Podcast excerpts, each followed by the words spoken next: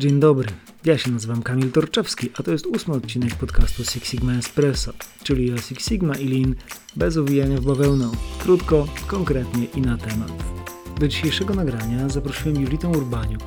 O Julicie trudno jednoznacznie powiedzieć, kim Julita jest z zawodu, ponieważ Julita jest psychologiem, jest pedagogiem, mediatorem, terapeutą, interwentem kryzysowym i jest również trenerem kompetencji miękkich, kompetencji społecznych, który od 2007 roku nieustająco stanowi część zespołu trenerskiego pracującego nad rozwojem kompetencji uczestników naszych kursów Six Sigma Black Belt. Julita, choć sama nie jest ani Master Black Beltem, ani Black Beltem, wnosi do pracy uczestników kursu Black Belt niesłychaną wartość i nie jest to zdanie wyłącznie moje, ale to jest zdanie, opinia, którą ja słyszę nieustająco od mm, kilkunastu już lat, y, ponad 13 lat, gdzie uczestnicy mówią, opowiadają nam o tym, że rzeczywiście zajmowanie się tymi aspektami psychologicznymi, otwierania, prowadzenia, zamykania projektu, radzenie sobie z konfliktami, y, kierowanie grupą adekwatne, to są sprawy, które Mastercard wyceniłby jako bezcenne i bardzo często to one właśnie, a nie statystyka stanowią o być albo nie być y, danego projektu.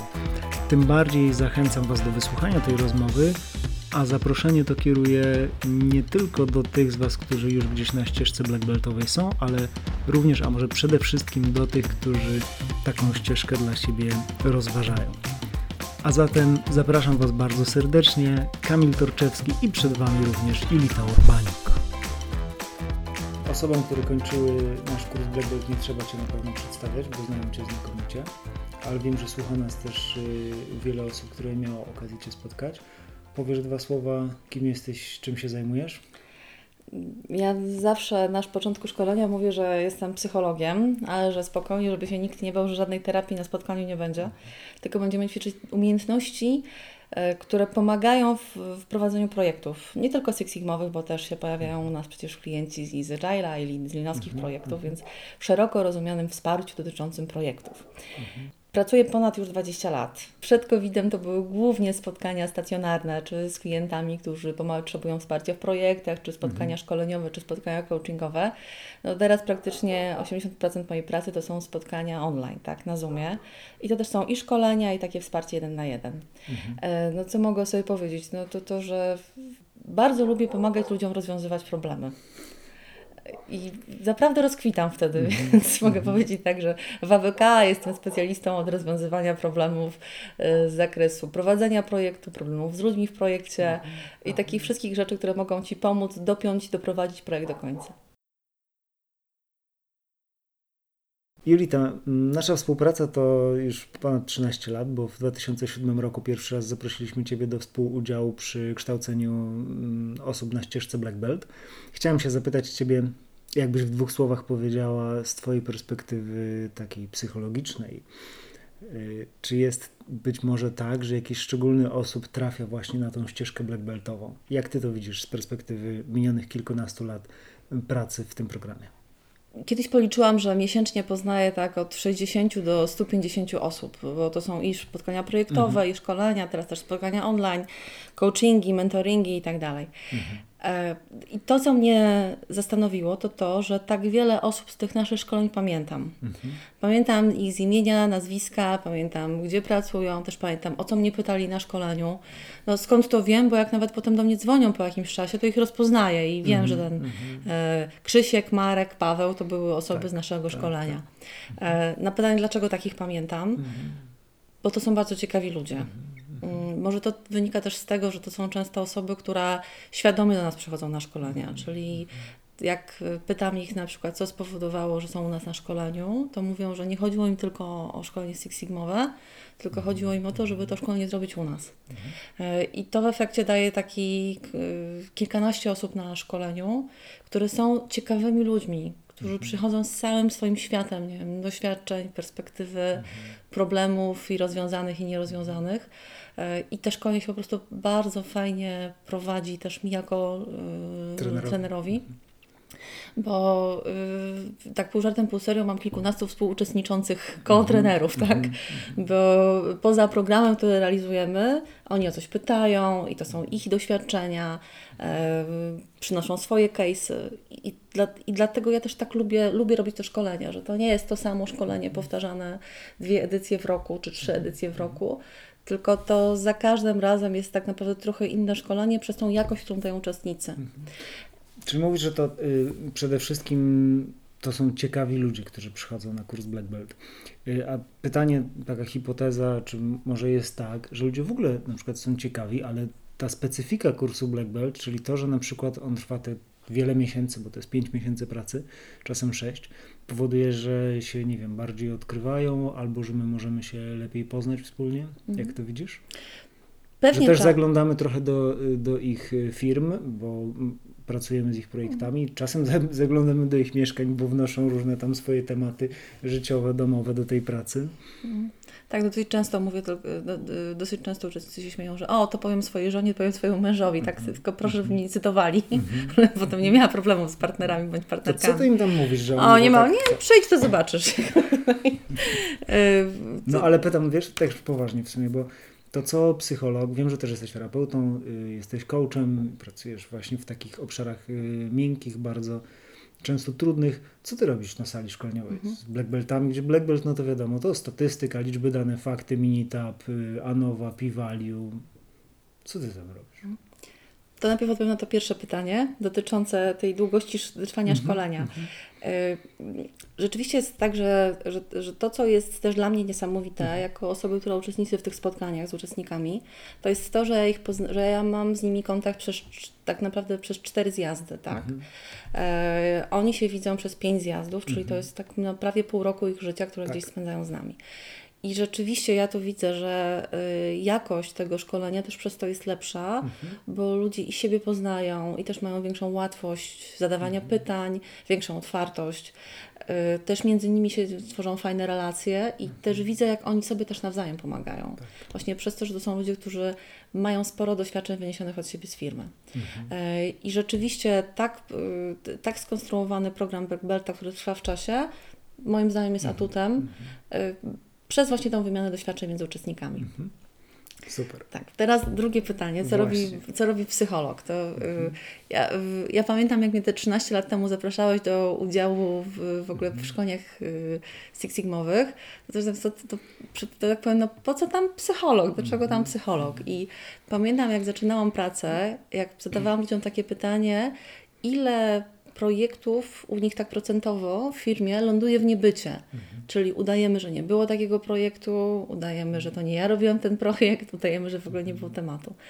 I pamiętam, jak byłam przerażona odpowiedzią, że no na cztery projekty trzy ląduje właśnie w niebycie, czyli udajemy, że takiego projektu nie, nie było. Mhm.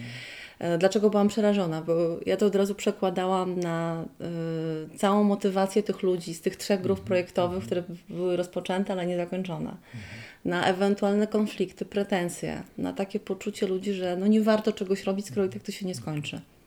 No i teraz co robi psycholog na Black Belcie? No to ja jestem taką osobą, która ma pomóc tym ludziom, uczestnikom szkoleń, żeby ich projekty się skończyły. I wiem, że im mówimy, że ważne, żeby temat był trudny, mm. problem taki ambitny, że, ambitny tak, tak. Istotny biznesowo, tak. miliony złotych, tak. czy tam euro jeszcze lepiej. Nie? Tak, ale to też powtarzam im, że mają go skończyć, no bo, bo to jest to, że jak go nie skończą, to oni też jakby, no też jakby są marką tego, tego nie, tylko, nie tylko Six Sigma w firmie, ale to też jakby są po tym podpisaniu linijami nazwiskiem. I to niezakończony projekt oznacza po prostu dużo kłopoty też dla nich potem w organizacji, bo do nich potem przyjdzie etykieta, że to jest zdzichu, który nigdy nie kończy. Nie? I, I to nie jest dobra etykieta. Słuchaj, ja myślę, że masa osób, które słucha teraz tej rozmowy naszej, ma takie pytanie albo taka myśl, która może się rodzić. U mnie się na pewno rodzi. Julita, zdradź jakiś taki ten, co robić, żeby te projekty się kończyły? No pewno są jakieś tam najważniejsze trzy punkty, które musisz coś tam, żeby... Ja na, na, na pierwszym spotkaniu y, robię z nimi takie proste ćwiczenie, mhm. nazywałam to hiobowe wieści, czyli mhm. zmuszam tych uczestników na pierwszym spotkaniu z tym psychologiem, żeby wyobrazili sobie wszystko, co może nie wyjść, co się może nie udać, mhm. E, co może być przeszkodą, istotnym ryzykiem w realizacji ich projektu. Mhm. E, no po co to robimy? po to, żeby za chwilę przejść krok dalej i zobaczyć, ile tych rzeczy związanych jest z ludźmi. Jasne, wielu rzeczy nie przewidzisz, ale jeżeli z kolegą, współpracownikiem miałam problem w dwóch projektach, to najprawdopodobniej będę miała też problem w trzecim projekcie. No i teraz pytanie kluczowe, to po co go bierzesz do grupy projektowej? No jest odpowiedź, bo mi, bo mi każą, bo muszą, bo nie mam wyboru. Bo on się zna. Tak, bo on jest najlepszy i bez niego w ogóle firma padnie. No to pytanie drugie, no to co zrobisz, jak, jak się zachowasz, żeby uniknąć z nim tych trudności, tych kłopotów?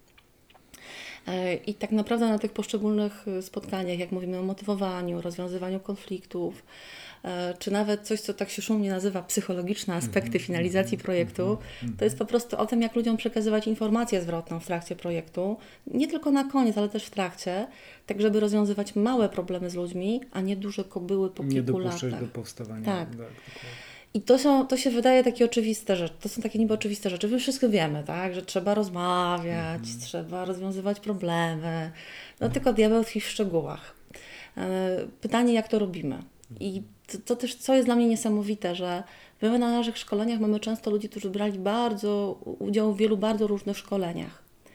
E, także z psychologami, e, mhm. także tam z różnych światów. I muszę Ci powiedzieć, że dla mnie to jest ogromny komplement, jak mi ludzie mówią, że je, Julita, wreszcie powiedziałaś praktyczne rzeczy, które mogę zastosować. Wreszcie to nie jest jakaś tylko koncepcja psychologiczna, mhm. tylko coś, co, co ja mam powiedzieć, jak mam powiedzieć, jak mam się zachować. Mhm. E, I, i to, co, to, to, to, co chyba uważam też za taką swoją mocną stronę, że naprawdę niektóre rzeczy można sobie uprościć. To hasło takie czyńmy życie mhm. prostszym, tak? Mhm. Upraszczajmy. Może być już od pierwszego momentu realizacji projektu. Mhm. Jak ci się z kimś źle pracuje, złota rada psychologa, to go nie bierz do projektu. Bo w tym projekcie dokładnie to samo się powtórzy. To, co się działo w, we wcześniejszych relacjach. Zrób wszystko, żeby się pozbyć tej osoby z projektu. No, y, na dowód tego, trochę na potwierdzenie tego, co, co mówisz, to um, chcę się podzielić tym, że kiedyś jak zrobiliśmy takie badanie satysfakcji naszych absolwentów już po ukończonym kursie, wróciliśmy do pytania, które zadawaliśmy tym samym osobom przed rozpoczęciem kursu, a pytanie było takie, co oni chcą od tego kursu, co im jest najbardziej potrzebne, po co oni tu są, co oni tutaj dla siebie potrzebują wziąć. No i przed rozpoczęciem kursu zdecydowana większość osób trafiających na kurs Black Belt to wskazywała właśnie, że oni tutaj są po y, zaawansowaną statystykę, po te analizy, oni się chcą DOE nauczyć, chcą robić trudne projekty i oni chcą duże ilości danych potrafić przeanalizować. No ale kiedy zadawaliśmy im to samo pytanie po zakończeniu kursu, co ci się najbardziej przydało tak naprawdę, co oceniasz jako najbardziej użyteczne, to wszyscy jak jeden mąż wskazywali zajęcie z Julitą, Nikt nie wspominał o statystyce, której oczywiście też uczymy, jest jej tam dużo, ale to pokazuje właśnie ja też myślę pewną patologię dzisiaj w świecie Sigmowym, że jest bardzo mocno w tym świecie środek ciężkości przesunięty właśnie w kierunku statystyki, tej części narzędziowej, twardej, technicznej. A ja nie pamiętam, żeby jakieś projekty naprawdę się wywróciły całkiem dlatego, że ktoś źle zinterpretował jakąś daną. Bo jak coś źle zinterpretuje, to zaraz się zorientuje, będzie mógł wrócić, poprawić. Natomiast y, no, te kwestie ludzkie, relacyjne to najczęściej są tacy, y, jakby to ładnie powiedzieć, tacy cisi zabójcy tych projektów. Tak niby wszystko jest pięknie, ładnie, fajnie, robimy, robimy, a potem się okazuje, że to martwy koń pod płotem leży, a my udajemy, że to wszystko cały czas jest w porządku. Mhm. O co się najczęściej potykają liderzy w tych projektach? Ja to nazywam taki syndrom Zosi Samosi, mhm. czyli że y, no jak, jak tak, nie, nie wiem czy pamiętasz, z Dnia Świra jest taki fragment, jak tato robi dziubek z, tam z kapturka no, e, synowi, tak. nie? I to mhm. jak, jak tata zrobi dziubek, to mhm. nie ma we wsi, nie? Mniej mhm. więcej. I uczestnicy naszych szkoleń to są ludzie, którzy są dobrymi specjalistami. Oni mhm. się naprawdę znają na swojej robocie. I tu, się też łączy z tym pułapka, że mhm. ja to zrobię najlepiej. Mhm to, co ja często widzę, to jest to, że oni wiedzą, że trzeba mieć zespół projektowy, mhm. Y, ale jest taka pokusa, że jak zrobię to sam, sama, to będzie szybciej, łatwiej. Y, też w bardzo wielu organizacjach niestety jest tak, że no nie ma prawdziwej grupy projektowej, tylko jest po prostu lider projektu, który biega po organizacji mhm. i zmusza, zachęca, oczarowuje ludzi, żeby tam konkretne rzeczy dla niego zrobili. Więc jak praca projektowa polega na tym, że ja latam za ludźmi w organizacji, mhm to czasami wydaje mi się, że szybciej będzie, jak zrobię to sama, sam. Tak. I to, to też może się wydawać takie no, banalne tak, w swoim odbiorze, że warto przy projektach, szczególnie jeżeli one są ważne biznesowo, mm -hmm. warte sporo kasy, mm -hmm. to warto zadbać o to, żeby jednak nie robić ich samemu. E, I to nawet nie chodzi o to, bo to mogą być dobre wyniki. To paradoks polega że ten projekt może być zakończony, tylko mm. że inni ludzie też mogą Ci wnieść jakąś wartość do projektu. I, ty, no i też to, tak pół żartem, pół serią to, to od pierwszego spotkania mówię im to, że może najłatwiej będzie zrobić projekt samemu i tak jak w jednej z firm ostatnio słyszałam, że team it's me, to jednak fajnie, jak tam ktoś się jeszcze pojawia mhm, mhm. poza ze mną, poza, poza mną powiem Ci, że czasami ich straszę, że jak są y, certyfikacje, to widać, czy Oczywiście. projekt był Oczywiście. z Zosią Samosią i zrobiłem wszystko sam, czy tam jakieś spotkanie jednak chociaż kilka się odbyło, że to widać, tak? Nawet widać, jak op- odpowiadają na pytania, jak pracują. Widać po efektów burzy mózgów. Tak, choćby w takiej prostej rzeczy, jak w samej warstwie językowej, w tym, jaką ktoś narrację robi do projektu, to bardzo szybko widać, czy to jest projekt, że ja zrobiłem ja to, ja tamto, czy też jest dużo my. Mm. Ja pamiętam, e, jak jeszcze. Pamiętam, jak realizowaliśmy takie szkolenie, które polegało na takim treningu w pracy, gdzie ja po mhm. prostu jeździłam na spotkania, gdzie sponsor robił e, przeglądy projektów ze mhm. swoimi liderami. I ja kilka razy namówiłam tę osobę, żeby zaprosiła na przeglądy projektów. Nie tylko liderów projektów, tylko całą grupę projektową, czyli mhm. wpisaną do karty projektu. I muszę Ci powiedzieć, że to niesamowicie wyglądało, jak właśnie dzielny lider referował przed sponsorem wyniki swojej pracy mhm. i zespół nagle robi po prostu przeogromne oczy, tak? I widać było wtedy dokładnie, że oni nawet... Widzą to pierwszy raz. Widzą to pierwszy mhm. raz, w ogóle w tym nie uczestniczyli. Tak, tak bo widać było, że po prostu są totalnie zaskoczeni, że czyli ten lider nawet nie dał sobie trudu, żeby im przekazać informacje, na jakim etapie jest projekt, co się dzieje. I przed tym ludzi przestrzegam. Naprawdę, że to jest taka okazja, że warto to zrobić e, z kimś, natomiast dobór do grupy tych ludzi ma kolosalne mhm. znaczenie. E, no i czy zatem jest tak, nie wiem czy nie przerwałem, ale czy, czy zatem jest tak, że osoba, która ma silne tendencje takie do pracy indywidualnej właśnie, takie bardzo mocno właśnie to ja, to ja, no nie jest najlepszym kandydatem na Black Belta? Jak to widzisz? Ja uważam, że tego można się nauczyć. Tak? Mhm. Ja szczerze wierzę w to, że jak jesteśmy już świadomi własnych ograniczeń, swoich y, mhm. niekompetencji, tak to nazwę, czy nawet, że czegoś nie robię, to mogę zacząć próbować to robić. I, I, może za pierwszym razem wyjdzie to słabiej, mhm. ale tutaj to sam wiesz, sam, że praktyka czyni mistrzem, że jak się zaczyna to robić, to z każdym potem kolejnym projektem wychodzi to lepiej. I, I akurat tutaj kwestia takiego to prostej rzeczy, świadomości, że możesz pracować z zespołem, możesz pracować z grupą, no, tak, wydaje mi się, że to można i wytrenować, i wyćwiczyć. Trzeba mhm. o tym pamiętać, że warto. Mhm. A powiedz, czy dostrzegasz jakieś zatem takie szczególne talenty albo predyspozycje, które wydają Ci się bardzo przydatne właśnie na ścieżce black beltowej? Mhm od y, trzech lat już praktycznie robimy FRISA, czyli tak. kwestionariusz dotyczący stylów poznawczych. Mhm. Y, I teraz jakby z tym wynikiem też jakby każda z tych osób, no powiem tak brutalnie, no ma swoje talenty mhm. i ma swoje kompetencje, umiejętności, mhm. tylko że różnie je realizuje w ramach realizowanych projektów. Ja akurat jestem fanką Frisa, więc y, i uważam, że mhm. dobrym liderem projektu może być i osoba, która jest i partnerem, i wizjonerem, i mhm. zawodnikiem, i badaczem, tylko inaczej ten projekt będzie realizowała. Y, inne obciążenia będzie i tak. inne plusy będzie niosła. Natomiast bała, bałabym się odpowiedzieć na pytanie, czy są jakieś osoby predestynowane do bycia liderami projektów, mhm. bo to są różne organizacje, różne problemy biznesowe, różne światy. Y, i, I, tak naprawdę wydaje mi się, że akurat Six Sigma jest taką metodyką zarządzania projektem, że każdy może tam odnaleźć taki swój indywidualny rys. Mhm. Narzędzi jest dużo do wyboru, pracujesz z ludźmi. Także nie, tu mhm. nie powiedziała, że jest jakaś taka dar, łaska Pana no to, odpowiadana. To kurczę, to trudne pytanie teraz mi się nasuwa. No to jak rekrutować black beltów w firmie? Inaczej kandydatów do black beltów. To czym się, czym się kierować w takim hmm. wypadku? Ja pamiętam, kiedyś też y, robiliśmy taki projekt w firmie, w którym szef wybierał z różnych poziomów zarządzania mhm. ludzi, którzy mieli mm, być liderami projektów. I pamiętam, że chyba najlepszy projekt zrobił pan, który był liderem na produkcji, y, który po prostu no, zrobił no, naprawdę świetny projekt. Dlaczego? Bo chciał go zrobić. Właśnie. I też miałam wrażenie, że jak obserwowałam przez te kilka miesięcy jego pracę, to miałam wrażenie, że on też i największy zysk w organizacji uzyskał, tak? I w mhm. kontekście i budowania swojego zespołu, i budowania swojego autorytetu. Problemy miał takie same jak wszyscy na początku, tylko że on po prostu postanowił to zrobić, po prostu konsekwentnie to robił. Zaczynał jakby od najniższego poziomu wiedzy, bo w porównaniu z panami inżynierami, którzy byli w tym, w tym projekcie, to on w ogóle nic nie wiedział o Six Sigmie tylko po prostu no, zrobił to. I pamiętam tak z, z, przeglądu na przegląd tak naprawdę, że jego projekt był naprawdę najlepszy i on też chyba najwięcej zyskał. Więc odpowiadając na Twoje pytanie, ja po prostu takie zadaniowe podejście, czyli no jest projekt, po prostu robisz. Są trudności, rozwiązujesz i do przodu. No ja wiesz, mam taką swoją listę 10 cech e, idealnego kandydata, mhm.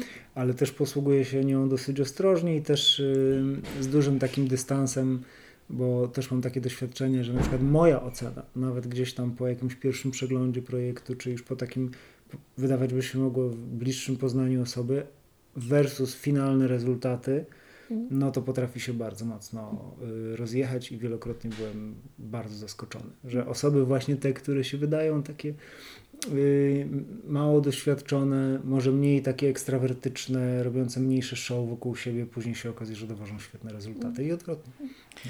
Więc trudno rzeczywiście o regułę tutaj. Y, też mi teraz przyszło do głowy, że to jest tak, że jak ludzie poznają dopiero metodykę Six Sigma, Six, D-Make, metodykę D-Make, to oni się tego muszą nauczyć. Mhm.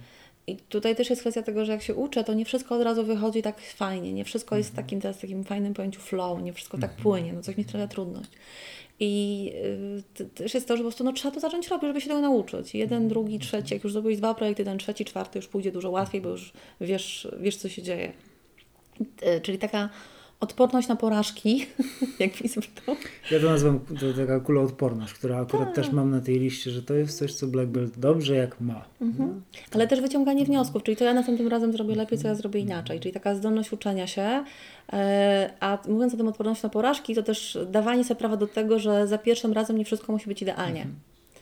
E, I to, to też nawet często, jak się ludzie pytają mnie, jak się do certyfikacji przygotować i tak mhm. dalej, nie wiem, czy dobrze, czy źle mówię, ale mówię, ale nie kłamcie, jak coś nie wyszło, ale poprawiłeś, naprawiłeś, to weź mhm. powiedz, że teraz zrobiłbym to inaczej, teraz zachowałem się inaczej, czyli pokaż, że wyciągnąłeś wnioski, no ale nie próbuj teraz tuszować kilkumiesięcznych błędów, udając, że od początku było inaczej, bo to też widać często. Oczywiście.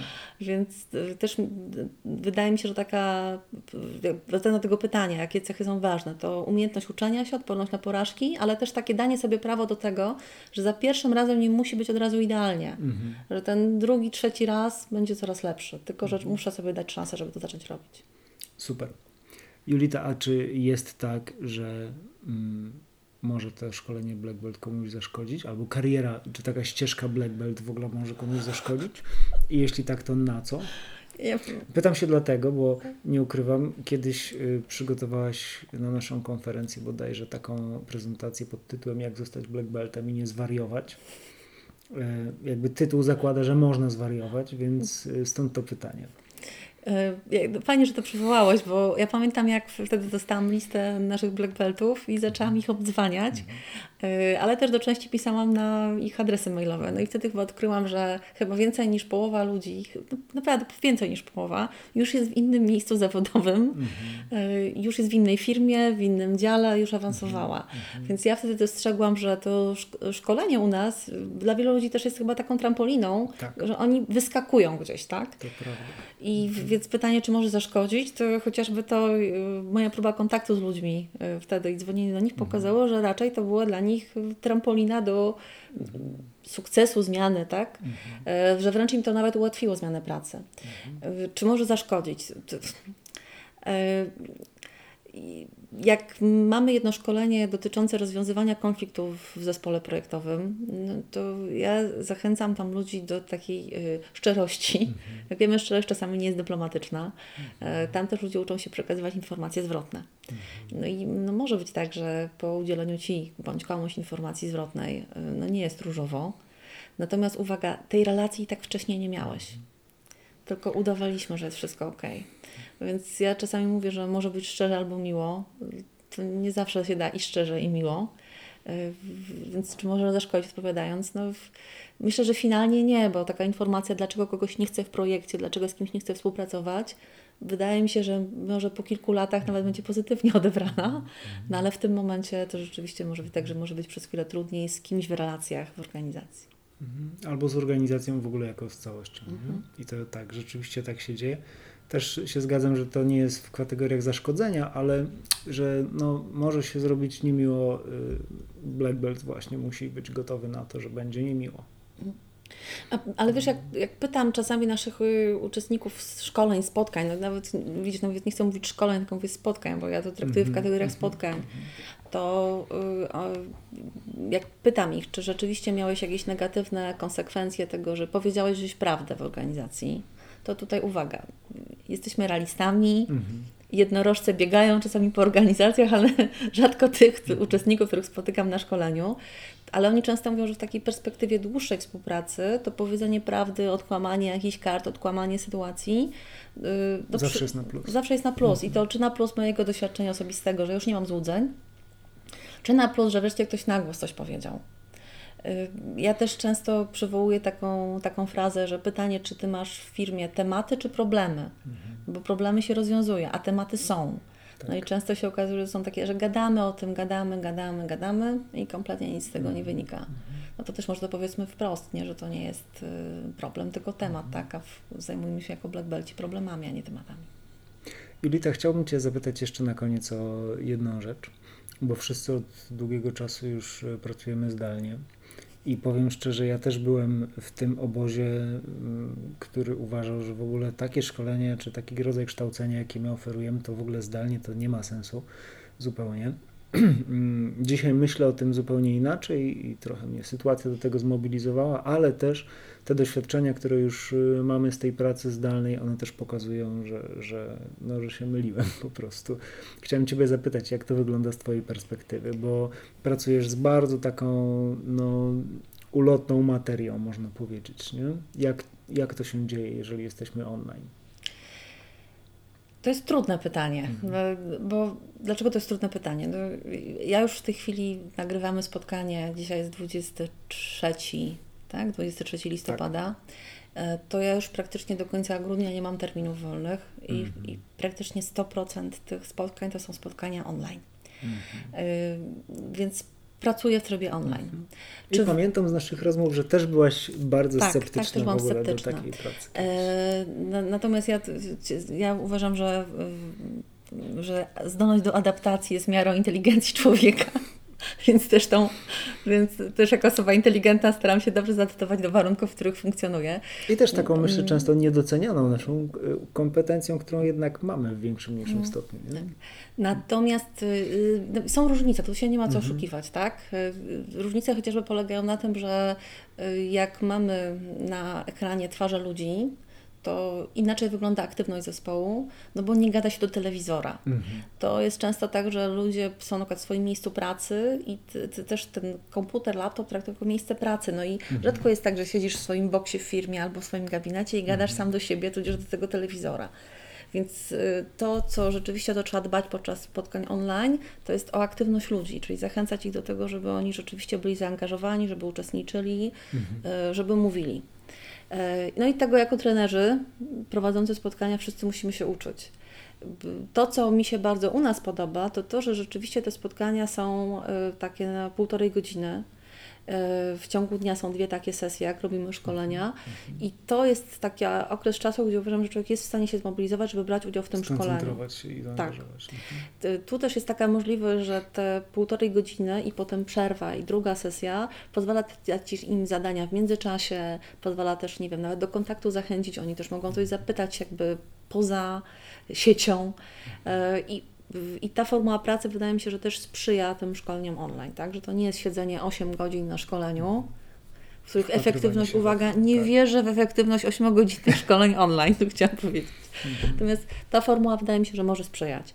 Mhm. Ja też widzę to, że właśnie przez to, że my się spotykamy z ludźmi przez te y, kilka miesięcy, to też ta relacja inaczej wygląda, tak. że oni też z innym nastawieniem podchodzą i też może przez to jakość tych szkoleń też jest y, lepsza, większa. No i y, uczestniczą też, przynajmniej z moich doświadczeń tak. z prowadzenia konsultacji, też y, w tych szkoleniach zaczynają mm. uczestniczyć dzieci, psy, koty, y, różne tam mm. kwiatki domowe i to też jest takie coś, z czym no, nie mieliśmy wcześniej doświadczenia, nie? że ktoś chce czy nie chce, no to trochę nas wpuszcza jednak do siebie. Tak, ja, ja, też nigdy nie, mhm. nie, ja też nigdy nie zaczynałam szkoleń zawierania kontraktu z grupą od mówienia, że przepraszam za nieprofesjonalnego psa, który szczeka, bo na to nie mam kontroli, nie mam na tym kontroli, więc za to przepraszam, to rzeczywiście na sali tego nigdy nie robiłam. E, ale jeszcze zapytałeś mnie o moją ocenę w ogóle szkoleń online, tak, to ja uważam, że to też wymaga od trenera naprawdę bardzo dobrego przygotowania mhm. i ja widzę, że wszystkie nasze spotkania ja pozmieniałam, czyli to jest tak, że to są inne spotkania niż na sali szkoleniowej, tak. no bo się nie da jeden do jednego przenieść szkolenia z sali szkoleniowej do online'u. Mhm.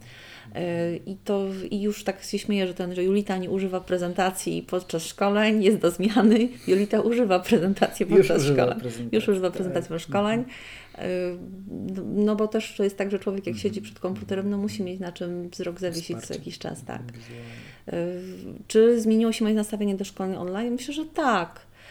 To też dlatego, że no, no nie mamy wyjścia. To jest tak, że ta, ta, ta, przez te najbliższe miesiące na pewno te spotkania będą inaczej wyglądały. Czy zachęcam do udziału w naszych szkoleniach online? Tak, przychodźcie. Nawet nie musicie przychodzić. Tak, bo, tak, tak, tak. Dzwaniajcie się, bądźcie z nami, e, bo im więcej fajnych, fajnych, ciekawych ludzi, ciekawych uczestników, tym jakby większa korzyść e, dla nas. Pracujemy na Zoomie, więc też mi się wydaje, że to bardzo fajnie pozwala na taką aktywizację grupy pracy z nimi. Fajnie. Julita, ja Ci bardzo dziękuję za tą rozmowę. No i jakkolwiek Zoom działa świetnie, to też chcę powiedzieć, że się bardzo cieszę, że spotkaliśmy się w realu. Oczywiście mamy maseczki, mamy maseczki. E, Julita, bardzo dziękuję. Dziękuję Wam wszystkim za uwagę i do usłyszenia następnym razem.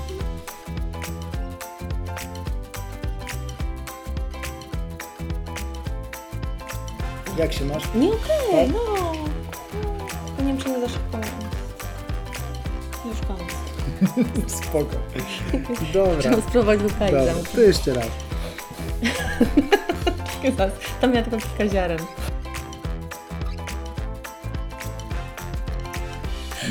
Patrz, dobrze, a my nie jesteśmy live, nie? Wyobraź sobie w radio. No ale oni tam mają bardziej, wiesz, no nie przychodzą psy, nie przychodzą dzikie zwierzęta, nie przychodzą, wiesz, dzieciory, które właśnie przychodzą na śniadanie, powstały, nie? Właśnie.